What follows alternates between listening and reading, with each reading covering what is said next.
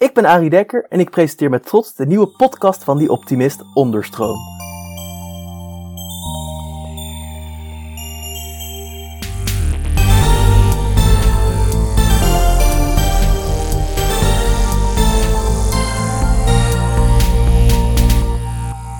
Hallo iedereen! Zoals altijd bieden wij om de week een podium aan mensen en ideeën die meer aandacht verdienen. Vandaag spreek ik met Bas Triets, de Chief Technology Officer en medeoprichter van Mimetas.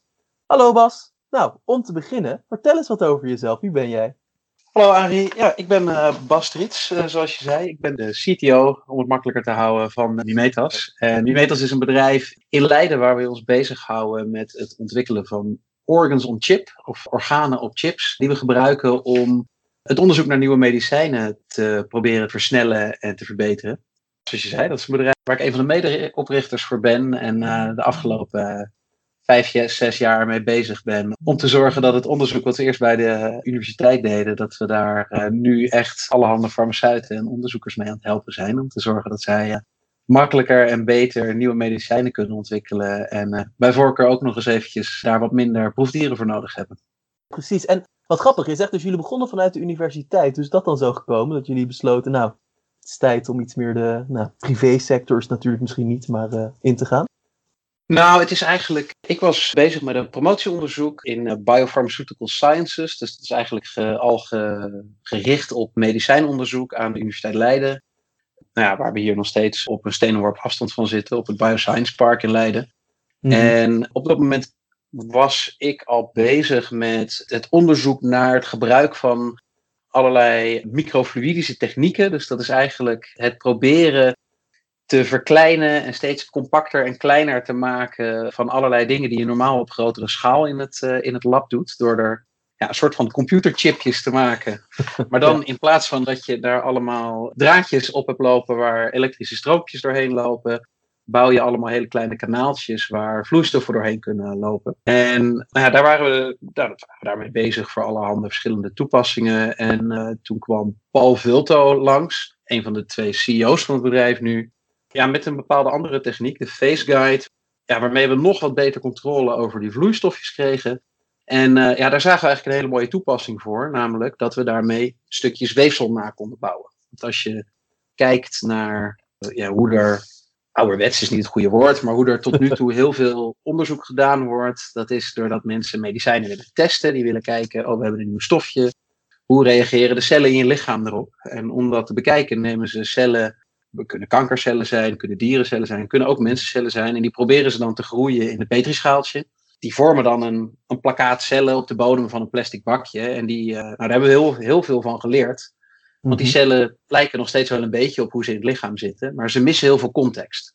Ja. En uh, nou ja, we zagen met die technieken van een, door heel goed controle te hebben over hoe je verschillende vloeistofjes met elkaar in contact kon brengen, hoe je met hele kleine vloeistofjes kon werken, zagen wij de mogelijkheid om in plaats van dat tweedimensionale celkweek, eh, waar je niet zo heel veel controle hebt over wat er eigenlijk gebeurt, om in plaats daarvan wat meer natuurgetrouw weefseltjes na te bouwen door die cellen in een driedimensionaal stukje weefsel te laten groeien en meerdere celtypes tegelijkertijd te kunnen combineren en daar ook bloedvaatjes doorheen te kunnen laten groeien. Nou ja, en toen we helemaal het idee hadden van, nou, die mogelijkheid die is er ja, dat, daar zat veel te veel brood in om dat alleen maar op te schrijven en te publiceren. Daar, wij zagen, dit, is gewoon, dit heeft een hele goede praktische toepassing. Dus we moeten zorgen dat dit niet alleen maar in heel erg fundamenteel onderzoek blijft hangen, maar we willen gewoon zorgen dat dat echt impact maakt. Dat daar farmaceutische bedrijven mee aan de slag kunnen, dat daar onderzoekers in andere universiteiten mee aan de slag kunnen. En om dat te doen dachten we, nou, daar is eigenlijk maar één manier voor. En dat is een bedrijf oprichten waarmee we die technologie dus in de handen van een hoop wetenschappers in labs konden krijgen, zodat die kunnen zorgen dat gewoon de medicijnontwikkeling sneller en efficiënter gaat. En we zijn het ook steeds meer zelf aan het doen, want na een tijdje denk je, ja god, als wij zo'n mooie techniek hebben, waarom zouden we alleen maar uh, andere mensen uh, in hun onderzoek helpen? Uh. Ja, nee, precies. En wat cool zeg maar, dus het orgaan op een chip. Ik vond het grappig, ik las ergens, het is wel een Engels grap, maar dat de Britten noemen het dan een orgaan on a crisp. Maar haha, want het zijn helemaal chips crisps. Maar uh, hebben jullie dat bedacht? Dat komt echt van jullie? Of in ieder geval de huidige... Nee, we zijn, we zijn, oh. we zijn niet de eerste die dat hebben gedaan. Er zijn, ja. Het is denk ik sinds de jaren negentig is er al heel veel werk bezig om dus mm -hmm. te proberen allerlei processen die je normaal in grote laboratoria te doen, om die op een chip na te bootsen. En er is ook heel veel, er zijn ook al wel heel wat andere groepen die werk doen om dus in het klein een stukje van een weefsel na te willen bootsen. Maar er, zijn, nee, er, is, er is duidelijk in de. Wij, hebben, wij zijn niet de allereerste die het hebben bedacht. Waar, waar wij ons wel heel erg in onderscheiden, is dat we van tevoren bezig zijn geweest met het bedenken van een platform waardoor echt mensen die in allerhande labs ermee aan de slag kunnen gaan. Er zijn heel veel groepen ja, waarbij iemand zijn hele promotietraject, vier jaar lang onderzoek uh, op de universiteit, waar die ermee bezig zijn om een chip te bouwen die heel specifiek, heel mooi één stukje weefsel nabouwt. Maar bij ons, we, hadden intern altijd een beetje de grap van ja, dat chipje is misschien wel heel klein, maar er zit nog een heel, uh, er zit nog een heel lab omheen. En het ergste nog, die promovendus die dat heeft ontwikkeld, die moet je er ook bij hebben, want anders kan je er niks mee. Terwijl wij heel erg bezig zijn geweest om te zorgen, laten we het nou gewoon eens hartstikke simpel houden. Laten we nou gewoon eens zorgen dat elke bioloog die helemaal geen interesse heeft in het werken met zo'n moeilijk chipje, maar gewoon iets wil hebben dat werkt, dat die ermee aan de slag kan gaan. Om echt de vragen te beantwoorden. Waarin dus die technologie secundair is. Je wil, je wil vragen beantwoorden in de wetenschap. En om dat te doen heb je replica's nodig. En uh, één testje is maar één testje. Dat kan alle kanten op schieten. En wat wij hebben, dus hebben ontwikkeld is een plaat waar wel honderd weefseltjes op kunnen zitten. Zodat je die naast elkaar tegelijkertijd kunt testen. Hebben we ook ons best gedaan om te zorgen dat, die, dat je die plaat niet in een of ander heel groot apparaat hoeft te zetten. Maar dat je die gewoon kunt gebruiken zoals mensen gewend zijn om een petrischaaltje te gebruiken.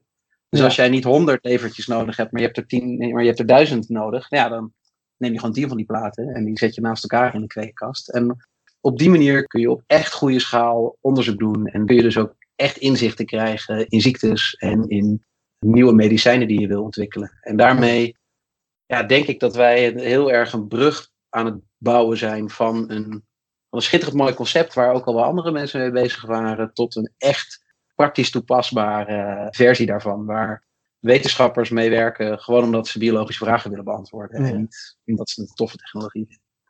Ik denk, misschien sommige mensen vragen zich nog zelfs bijna een beetje af wat orgaan op een chip is. En ik heb een klein beetje onderzoek gedaan en dacht, misschien kan ik dat dan voor de grap eens uitleggen. De leek. Loopt veel goed. ja, want dus eigenlijk, we hebben het dus over organogen chips inderdaad. Het begon dus als een petrischaaltje, maar was verbetering zeker mogelijk. Komen dus mensen zoals jullie binnen. En eigenlijk wat het doet is dus, je hebt een hele kleine chip, de grootte van een AA-batterij, als ik het goed begrijp. Of een USB-stick, als dat wat duidelijker is voor de fantasie. En daar zitten dus twee kleine polymere kanaaltjes in, toch? Daar begint het denk ik dan. Ja, ja, en dan dus op de wanden van die kanaaltjes, die ook al dus heel klein zijn, zitten menselijke cellen. En dan is vervolgens eigenlijk wat je dan dus doet, dus hoe de proef start tussen aanleidingstekens, door, door het ene kanaaltje bloed en door het andere kanaaltje lucht te pompen en dan dus een orgaanwerking na te bootsen, toch? Wel echt ja. nogmaals heel erg kort door de bocht. Ja, ja, ja ik denk dat die, het chipje wat je nu beschrijft, dat is een hele beroemde. Een van de, een van de weinige keren dat ik mijn eigen nou, een van de eerste keren moet ik zeggen dat ik, dat, dat ik onderzoek wat heel dicht lag met waarmee ik bezig uh, was. Dat ik dat uh, toen we nog de wereld rond mochten reizen, ik in New York in MoMA liep. Dat je daar rondloopt in de Museum for Modern Arts. En dat je daar ineens ziet staan, hey, verrek. Daar stond dus zo'n organ on a chip. En dat was precies diegene die jij nu omschrijft. Dat is er eentje van Don Ingber van het Wies Instituut in de VS. Dat is een beroemde man in het veld van organ on a chip. Omdat zij hebben dus een long on a chip gebouwd. En dat is inderdaad gemaakt uit een soort van rubber, siliconen rubber. Daar heb je inderdaad twee kanaaltjes die langs elkaar lopen. Zo'n kanaaltje is 100 micrometer doorsnee of zo. Dus dat is ongeveer zo dik als een haar. Om een beetje de schaal te geven. En inderdaad, het hele chipje is ongeveer zo groot als een USB-stickje. Ja, en daar hebben ze inderdaad de truc gedaan. We doen longcellen. Doen we aan de ene kant in het ene buisje. Heel vlak daarlangs loopt een ander buisje. Daar doen we een bloedvaatje in. En zijn slimme truc was dat hij dat zo had gebouwd dat je kon duwen en trekken aan dat chipje, waardoor je, net zoals in je longen, als je je longen opblaast en daarna weer laat inzakken, ja, dan ben je dus die cellen de hele tijd aan het optrekken en weer terug gaan laten ontspannen. En dat was wat hij heel graag wilde nabootsen. Ja, om, om die cellen meer een omgeving te geven zoals ze dat ook in hun, in hun lichaam zaten. En dat is, hij is, hij is een van de, van de pioniers in het veld. En, maar jullie doen het eh, anders dus, als ik het Ja, wij, wij, doen, wij doen het wel anders. Kijk eens, nou. Want wat wij daaraan zagen is van, ja, dat is heel mooi. En het is echt, echt een hele gave techniek. Alleen, het is wel een goed voorbeeld van waar ik net al een beetje de grappen over maakte. Van ja, het chipje is klein, maar er moet nog een hele machine omheen. En de aantallen die je haalt zijn niet zo enorm. Dus wij zaten ernaar te kijken en we hadden natuurlijk onze eigen technologie onder, onder ons zak. En we zaten te denken van oké, als we nou eens even met een blanco vel beginnen en kijken wat heeft een wetenschapper nodig. Ja, voor die wetenschapper, die heeft allemaal microscopen, heeft hij al in zijn lab staan, heeft allemaal robots, apparatuur staan. En dat werkt allemaal op basis van microtiter plates. En dat is, dat is een dingetje wat is niet zo groot als een USB-stickje, maar dat is een beetje zo groot als een iPhone. En dat is een standaard formaat, daar is alles op afgesteld. Dus wij dachten, ja, dan maar niet zo klein. We doen het klein maken, maar dan heb je er eigenlijk dus niks aan bij. Nee, het is veel belangrijker dat het gewoon past op datgene wat iedereen al heeft. Dus dachten wij, wij nemen een microtiter plate. Dat is normaal, is dat een plastic plaatje. En wat doet een microtiter plate eigenlijk precies dan in een lab? Ja, een microtiter plate is eigenlijk niks anders dan een hele hoop reageerbuisjes die aan elkaar vastzitten. Dus het is een plastic oh. plaatje met daarin bijna 400 putjes, 384 putjes. En als jij normaal doe je een paar stofjes bij elkaar om te kijken wat daar voor chemische reactie plaatsvindt. Alleen omdat mensen geen zin meer hadden om die 1 voor 1 per 400 in en uit de kast te halen, hebben ze gewoon een plaat gemaakt met 400 putjes. Ja, ja, ja ik, ik, ik, ken dat ook wel. Dat is ook echt wel, als je zo'n klassiek lab ziet in een film of whatever, dan staat er inderdaad zo'n ding met allemaal van die buisjes erin, toch? Ja, ja, precies. En dit is dan één stukje plastic met 400 putjes erin. Om, uh, om te zorgen dat je het wat makkelijker te handelen is en dat je maar één deksel hebt die je eraf hoeft te halen. En dus dat je dat in zijn geheel in één keer in de microscoop kan zetten, die dan automatisch van alle 400 putjes een fotootje maakt en wat dan ook. Nou, en wij dachten, heel, als al die labs daar al mee werken, als elke wetenschapper nou al weet hoe die daarmee moet werken, en al die wetenschappers willen ook dat hun biologie wat beter gaat lijken op hoe het in het lichaam gaat. Dan moeten we dat toch bij elkaar kunnen brengen. Wat wij hebben gedaan is toen diezelfde tactiek gepakt van die hele kleine buisjes die je langs elkaar kan laten lopen. Daarvan dachten we, als we dat nou in de onderkant van zo'n plaat bouwen. Als we dat nou eens gaan maken. Dat we zeggen, de bovenkant van de plastic ziet er voor elke bioloog gewoon uit. Zoals de plaat die ze, waar ze al continu mee werken. En aan de onderkant gebeuren er ingewikkelde dingen. Daarmee komen je cellen op de juiste manier bij elkaar. Daar kan je alles in doen. En we maken het geel nog ook van glas ook. Zodat je er door de microscoop heen goed naar kan kijken wat daar gebeurt. Ja. ja, dan hebben we iets in ons handen waardoor we het klassieke probleem van de organ on a chip tot toen toe konden oplossen. En dat was namelijk dat Organ on a Chip een hele, heel erg populair was onder de ingenieurs en totaal niet populair onder de biologen. de biologen dachten allemaal, dat is gaaf, maar dat is veel te ingewikkeld voor mij. Want die waren namelijk bezig niet met iets bouwen, die waren bezig met de biologie. En gebruiken daar hele ingewikkelde apparatuur voor. Maar ja, het is niet hun hobby om chipjes in elkaar te gaan knutselen. Ja, dat. En ik denk ook dat als je al gewoon een lab hebt, en dan komt er iemand die zegt: hey, vet cool dit lab, maar we gaan er allemaal dingen aan veranderen, want er moeten nu ja. AA-batterij grote plaatjes in en zo. Ik denk ook niet dat er heel veel mensen zijn die dan echt zo zeggen: van ja, leuk man, thanks. Nee, nee inderdaad. Ik dus... een lab overhoop gegooid. Ja, dat is echt altijd onze basisgedachte geweest. En daar hebben we altijd gezegd: joh, weet je, dan hebben we altijd enthousiaste mensen hier ook zeggen: van goh, kunnen we niet ook dat doen, kunnen we niet ook dat doen, kunnen we niet ook dat doen. En meestal is het: ja, dat kan wel, maar dat gaan we niet doen. Want het moet ook nog werken. En mensen moeten er ook nog heel makkelijk mee kunnen werken. En dat is eigenlijk de opdracht die we onszelf altijd hebben meegegeven. Dat heeft als resultaat dat wij nu ook intern eigenlijk bijna niet meer nadenken over die hele organ on a chip als een ingenieursuitdaging. Nee, we zijn vooral heel hard bezig met de biologie. Want dat is waar het uiteindelijk om draait. En wat wij dus doen in die platen, daar heb je dus zo'n plaat die dus zo groot is als je iPhone, waarin onderin een stuk of honderd kleine kweekkamertjes zitten.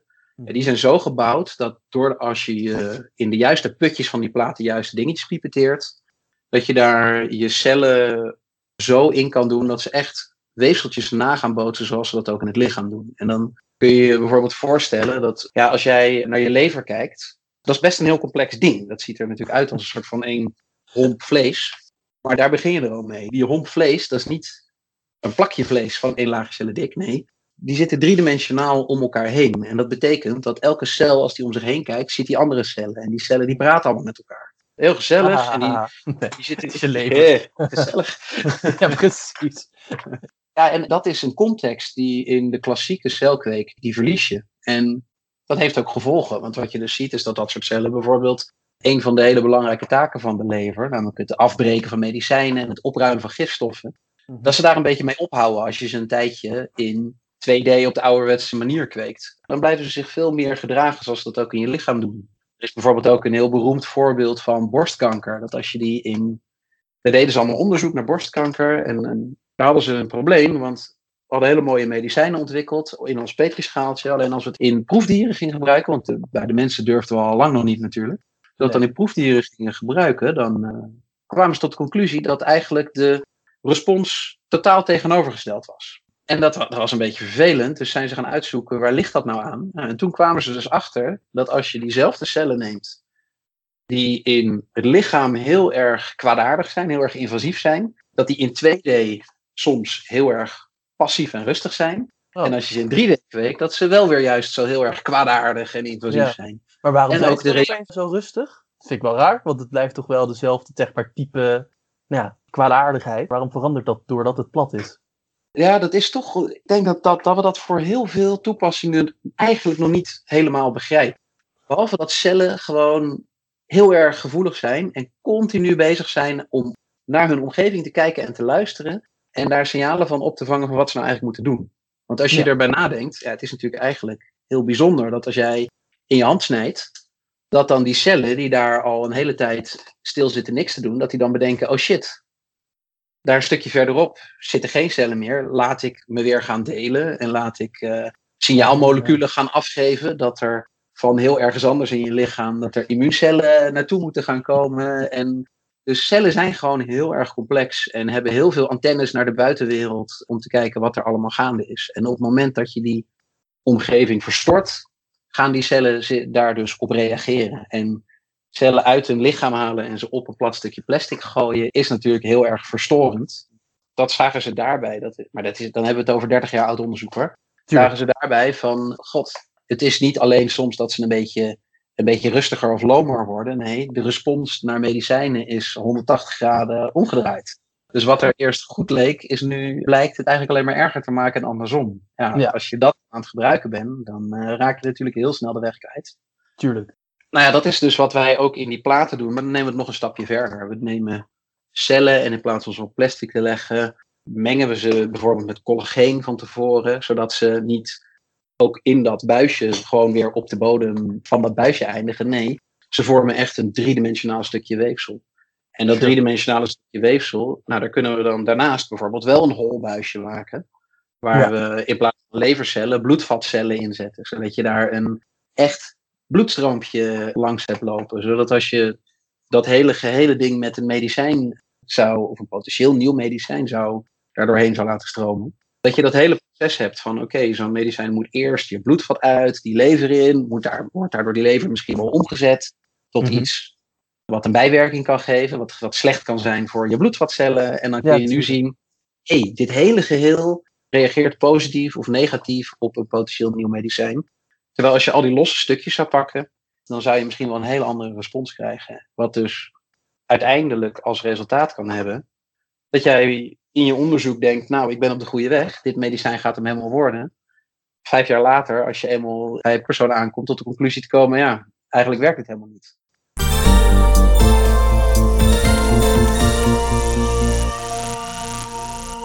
Maar dan vraag ik me wel eigenlijk af, dit klinkt misschien een beetje heel plat, dat alles wat jij vertelt, maar waarom is dit precies nodig? Want we hebben het natuurlijk nu heel erg over het hoe en wat en wie en zus. Uh, allemaal een beetje ingewikkeld, maar wel te begrijpen. Maar ja, het klinkt allemaal wel heel moeilijk. Bijvoorbeeld, waarom zeg je niet gewoon. Nou, we hebben toch gewoon testmuizen. Waarom ga jij helemaal een lever nabouwen in kleine buisjes. als je ook gewoon een uh, muis vol kan spuiten met iets. En dan ben je net zo snel klaar als het ware.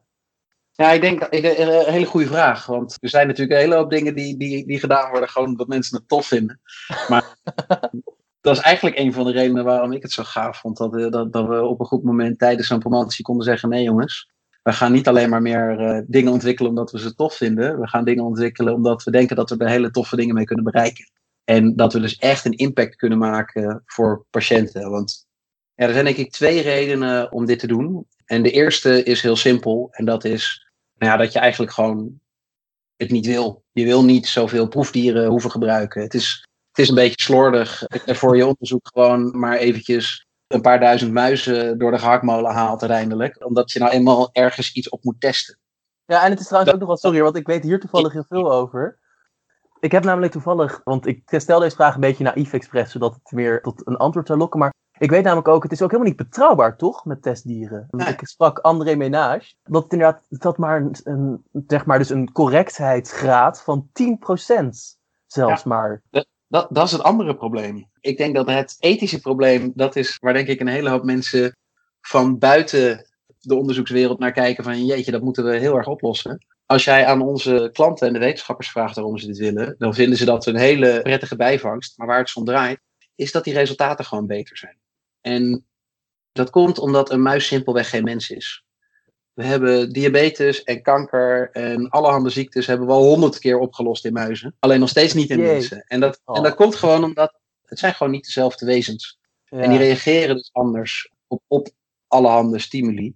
En dat is waarom wij het ook heel belangrijk vinden om met menselijke cellen te werken. En om die dus, nou ja, normaal, dat waren eigenlijk de opties die je had. Je kon menselijke cellen in een petrischaaltje, dus dan heb je de goede cellen, maar in de verkeerde context. Of je nam een muis, en dan heb je dus wel het hele beest, maar het verkeerde beest te pakken. Het is toch zelfs zo dat de chimpansee, en die ligt dan dus echt het dichtst bij ons DNA-wise, voor mij tegen eh, kanker eh, bestendig is. Dus daar krijgt hij geen last van. Hij kan aids krijgen waar hij geen last van heeft. Hij kan voor mij inderdaad diabetes en zo niet krijgen. Dus het is echt wel ja, heftig of zo dat je het op een dier doet. Sorry, ga door. Ja, ja nee, ja, zij, Ja. zij liggen heel dichtbij. Maar ook op een hele hoop cruciale vlakken zijn ze weer net heel anders. Ja. Ze toch nog even net even anders geëvalueerd. Eten misschien ook iets minder hamburgers. En eh, roken wat minder, waardoor ze, waardoor ze sommige problemen niet hebben. Maar, ja, nee, precies. maar ook dan heb je daar heb je gewoon hele praktische problemen. Hè. Je, het is een, eh, kijk, 100 muizen testen is nog wel te doen. Iets op 100 chimpansees testen is al best wel een vervelende aangelegenheid. En ook een onaardige aangelegenheid. Terwijl, dan zou ik liever zeggen, laten we 100 microlevertjes pakken en kijken hoe die reageren. En dan hebben we het nog niet eens over het feit dat het voor heel veel onderzoek eigenlijk ook juist wel weer handig is dat je niet het hele beest hebt.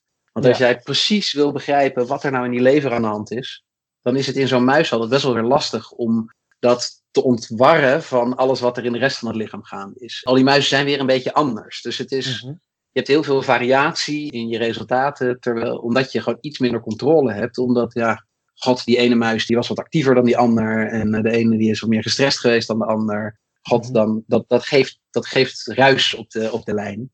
Terwijl Oh, je, grappig, dit een heel gecontroleerd systeem is natuurlijk. Waar je heel erg kan inzoomen op specifieke dingen. Ja, het is een balans. altijd een balans. Want je, want je hebt gewoon een. Je hebt een klein stukje waar je heel goed op kan inzoomen. Dat betekent dus ook dat je iets minder informatie hebt over de echte interactie met hele andere organen in je lichaam. Dat kan je wel doen, kan je bouwen, maar dat is nog best wel lastig. Je, er, er gaan altijd verhalen over van, nou, god, we hadden eerst hadden we organs on a chip, nou doen we human on a chip. En dan hoor je zelfs mensen die zeggen population on a chip.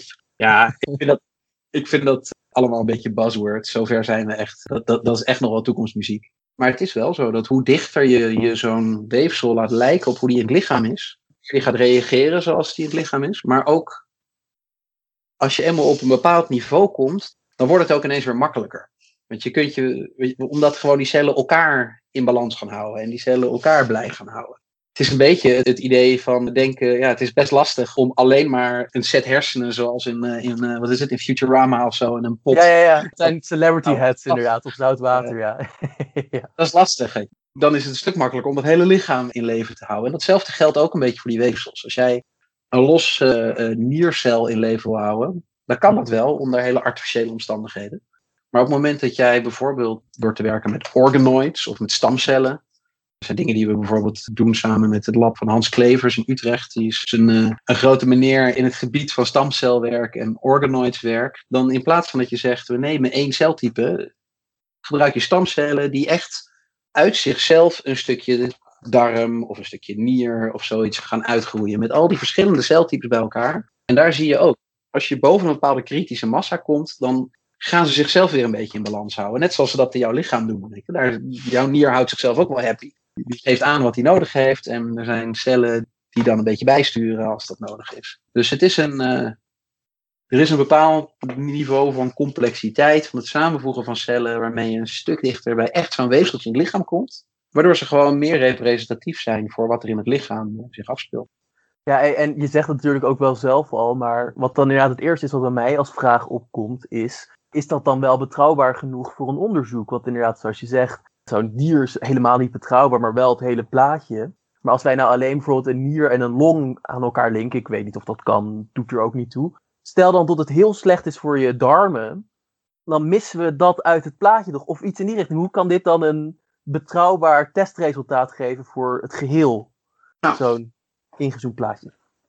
Nou ja, daar heb je hartstikke gelijk in. Ik denk dat dat een van de redenen is waarom het ook nog wel even gaat duren voordat wij bijvoorbeeld gaan zeggen, jongens, die hele tests op mensen zijn niet meer nodig. We hebben toch al getest op onze chips. Dat is natuurlijk wel de droom, dat is de toekomst. Alleen zover zijn we nog niet. Dat we gewoon kunnen Sure. zeggen, in een lab hebben we een medicijn ontwikkeld. En als dat het lab uitrolt, dan weten we dat het goed is. Nee, we, hebben, we zien het nu ook.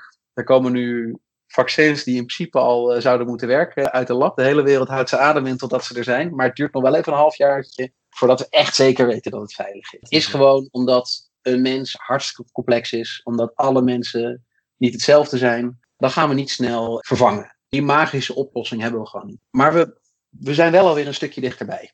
Want helemaal losse cellen, dan zit je kilometers van de Ja. mens af. En met een stukje long of met een stukje nier of met een stukje lever wat je naboot, zit je alweer een tikkeltje dichterbij. En precies wat je zegt ook. Als je een beetje snapt hoe een ziekte in zijn werk gaat, dan kun je natuurlijk wel een paar van die kritische stukjes kun je al bij elkaar brengen. Als je bijvoorbeeld kijkt naar een bepaalde nieraandoening, dan zou je normaal gesproken zou je zeggen: God, wij doen een. We nemen gewoon niercellen en that's it. Ja. Nou ja.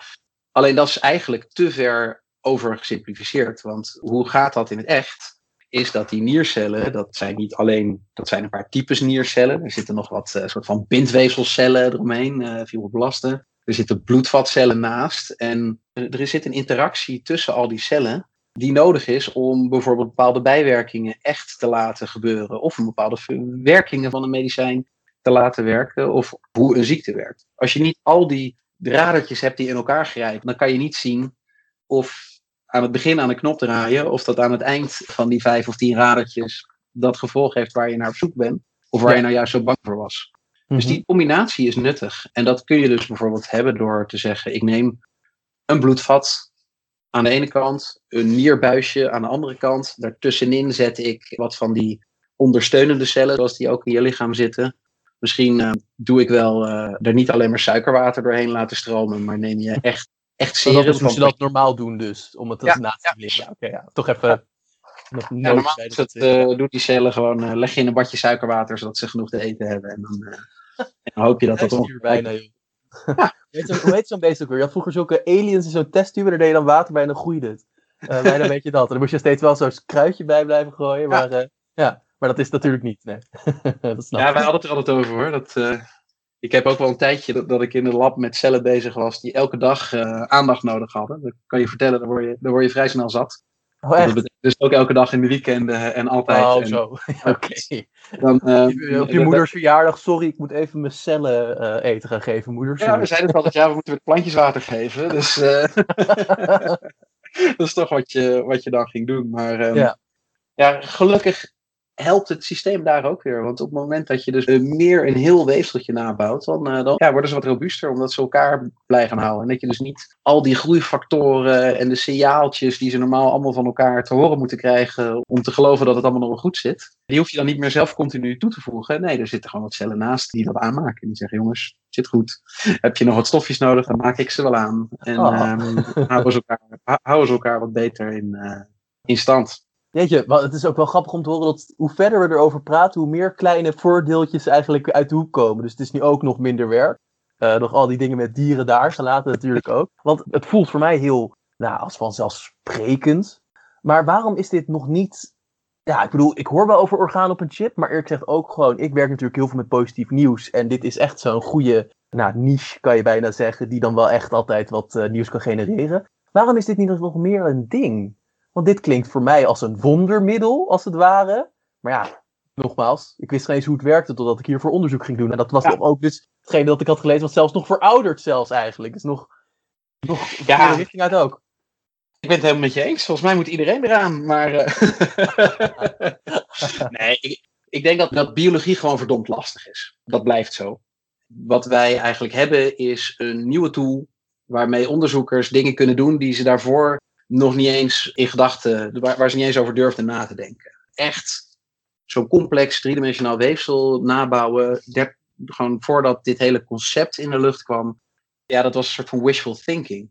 En nu, nu is die mogelijkheid er wel, maar het lichaam is gewoon zo verdomd complex. En ziektes zijn ook zo verdomd ingewikkeld dat het gewoon tijd kost.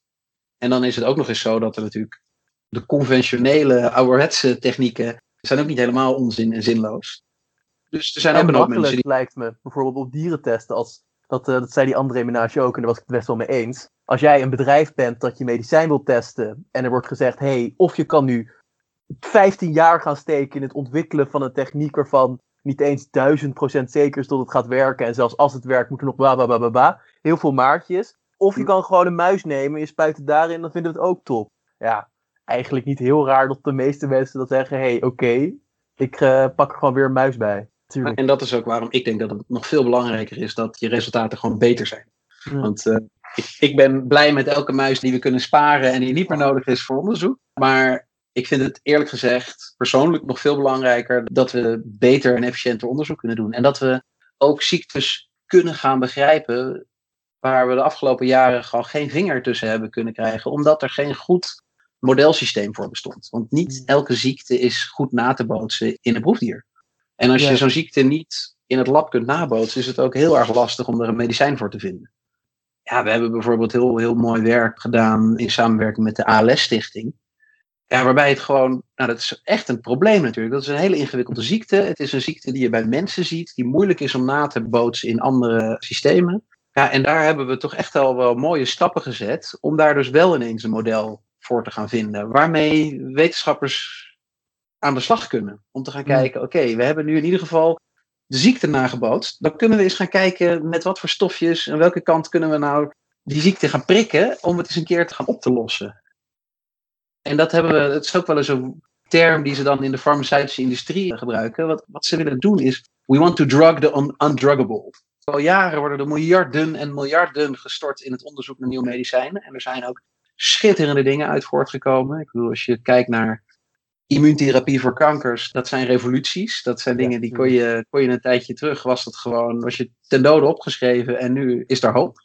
Dat soort dingen, die worden steeds en steeds lastiger, omdat de makkelijke ziektes en de heel eenvoudige dingen zijn al best wel eens opgelost. Een hele hoop van de ziektes die je nu tegen het lijf loopt, die zijn heel erg complex en multifactorieel. En kan je niet door op één knopje te drukken of door één schroefje aan te draaien ineens opgelost hebben. Nee, daar heb je, dat zijn complexe ziektes waarvoor je meerdere componenten nodig hebt. En daar kun je dus alleen maar onderzoek naar doen als je ook die meerdere componenten na hebt gebootst in jouw modelsysteempje. En dat betekent dus dat je niet alleen maar een zenuwcelletje in een petrischaaltje moet hebben liggen, maar dat je zenuwcellen in combinatie met spiercellen, in combinatie met een immuunsysteem eromheen, dat je al die dingen samen moet laten komen om de ziektes waar je naar aan het kijken bent ook maar enigszins bij in de buurt te komen.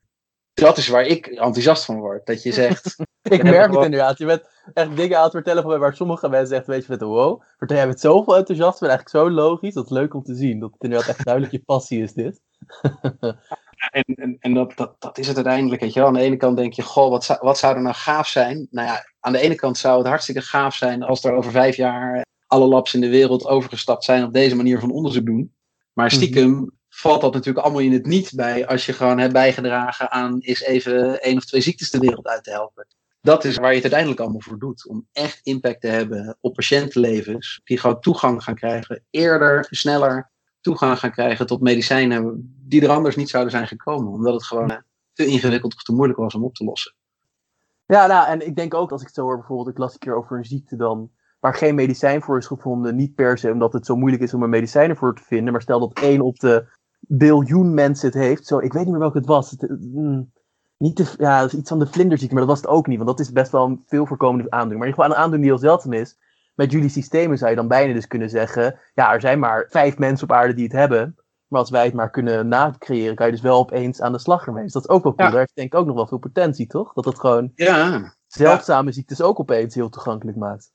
Ja, dat zijn de zogenaamde orphan diseases. Er worden vanuit overheden en vanuit de regulatoire instanties wordt daar ook wel heel erg in meegedacht. Dat is dus ook wel eens fijn. eh, er wordt nog wel eens vanuit onze tak van sport in ieder geval richting al die regulatoire instanties gekeken van Jesus. We hebben straks een medicijn en dan zijn we daarna nog even vier jaar bezig voordat we het daadwerkelijk eens een keer aan een patiënt mogen geven. Allemaal terecht hoor, want je wil geen onveilige medicijn op de markt hebben. Maar Maar er zit ook heel veel vooruitziende blik in. En dat is aan de ene kant dat ze bijvoorbeeld heel erg dit soort nieuwe technologieën omarmen. Dat ze zeggen, heel, als wij nou gewoon het met z'n allen eens zijn dat zo'n 3D-levertje beter is dan, dan muizen, of dan een eerste ronde in patiënten, of wat dan ook, of in ieder geval equivalent is, dan maken we daar toch de standaard van. Dat is dus al heel erg fijn dat er op die manier naar gekeken wordt.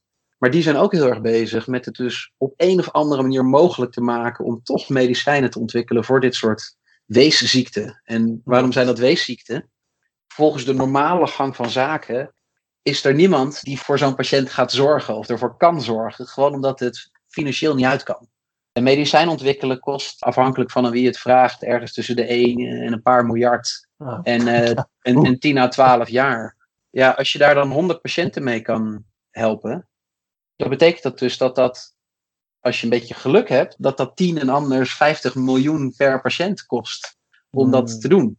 Dat kan bijna niet uit. Dat kan alleen Ja. maar uit als je dat vanuit ja, als samenleving zou bepalen dat je dat dan wil gaan betalen. En hoe we dat nu aardig doen, is dat, dat er dus gezegd wordt van oké, voor dat soort weesziekten maken we de voorwaarden wat aantrekkelijker. Als Europa en als VS zeggen we oké, als jij eenmaal zo'n medicijn hebt ontwikkeld, dan geldt zo'n patent daarop veel langer. Maken we misschien de tests vooraf wat eh, lichter. Ja, gewoon omdat anders zo'n medicijn helemaal niet beschikbaar gaat komen. Om daar dus experimenteel wat in te, brengen. En ja, ik hoop dat wij ook door dat onderzoek ja, wat efficiënter en wat beter en wat doelgerichter te kunnen doen, dat we daar ook een steentje aan bij kunnen dragen. Ja, het hoeft, het hoeft niet zo heel veel beter, hè? Want wat jij zei al is, eh, god, van een proefdier is maar 10% die het haalt. Nou ja, als je gewoon kijkt naar het ontwikkelingstraject, dat eh, een van de redenen waarom dat zo ontiegelijk duur is, is omdat je gewoon met iets van 100.000 kandidaatmedicijnen begint en er, er maar eentje van echt tot, het haalt tot in de patiënt. Op zo'n systeem als wat wij hebben, die organ on a chip of de organoplate, zoals dat ding van ons dan heet. Ja, wat, waar dat bij helpt, is, is om te zorgen dat je helemaal van tevoren al heel vroeg goed kan selecteren. En dan zelfs als je al die tests daarna nog steeds door moet lopen, dan doe je dat in ieder geval er maar met eentje die het gaat halen, in plaats met honderd waarvan er maar eentje het gaat halen. Ja. En dat is, ehm, dat, dat is natuurlijk de wens. Dat je medicijnen kan vinden waar je anders nooit op was gekomen. En dat je medicijnen waar je toch wel op was gekomen, dat je die veel sneller, efficiënter en goedkoper kunt ontwikkelen. Want uiteindelijk wordt het allemaal betaald door de patiënt en door gewoon ja, de mensen die de verze- zorgverzekering betalen. Maar Ja. Dus, ehm, dus alles Ja. wat we daar aan efficiëntie kunnen winnen, komt denk ik gewoon ten goede aan de samenleving en aan de patiënten. Dus eh, Ja, wat mooi zeg. Er zit zelfs nog een klein beetje humanitaire eh, redenen achter dat je dit doet. Eh, het maken van Nou, deze ja, ik moet zeggen dat ik hier een stuk meer energie uithaal dan als dit ja, iets anders was geweest, waar misschien wel wat minder, eh, ja, waar, waar, waar je gewoon minder impact mee kan maken. Is natuurlijk ook heel leuk hoor, maar eh, Nee, natuurlijk. ik vind dat toch wel, dat motiveert wel, ja, zeker. Nou, echt super bedankt. Ik hoop ook dat de luisteraars het helemaal hebben gevoeld. Ik vond het heel interessant. Ik vond het ook echt, ik, ik, ja, sign me up. Maar dat kan natuurlijk net niet. Maar eh, blijf zo doorgaan dan maar. Dat is het enige dat ik je mee kan geven. Ja, nou en echt heel erg bedankt dat je dit doet.